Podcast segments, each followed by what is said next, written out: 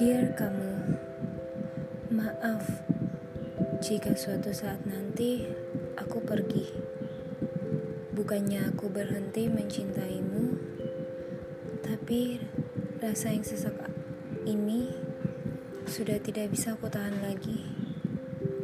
Setidaknya, biarkanlah aku menyelamatkan hatiku daripada hancur berkeping-keping. Andaikan kita bisa bertukar posisi sebentar saja.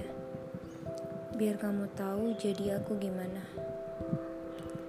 Yang berjuang sendiri, yang mencintai sendiri, yang cuma bisa merindu dalam hati. Aku tidak pernah menyesal mengenali kamu.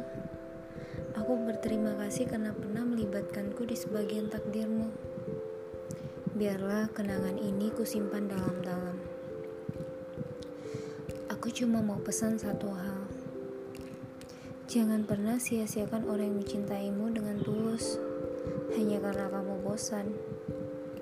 Karena kesempatan kedua mungkin tidak akan kamu dapatkan lagi. Kamu jangan khawatir.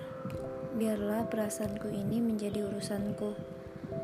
Akan kurawat kembali hati yang patah ini. Aku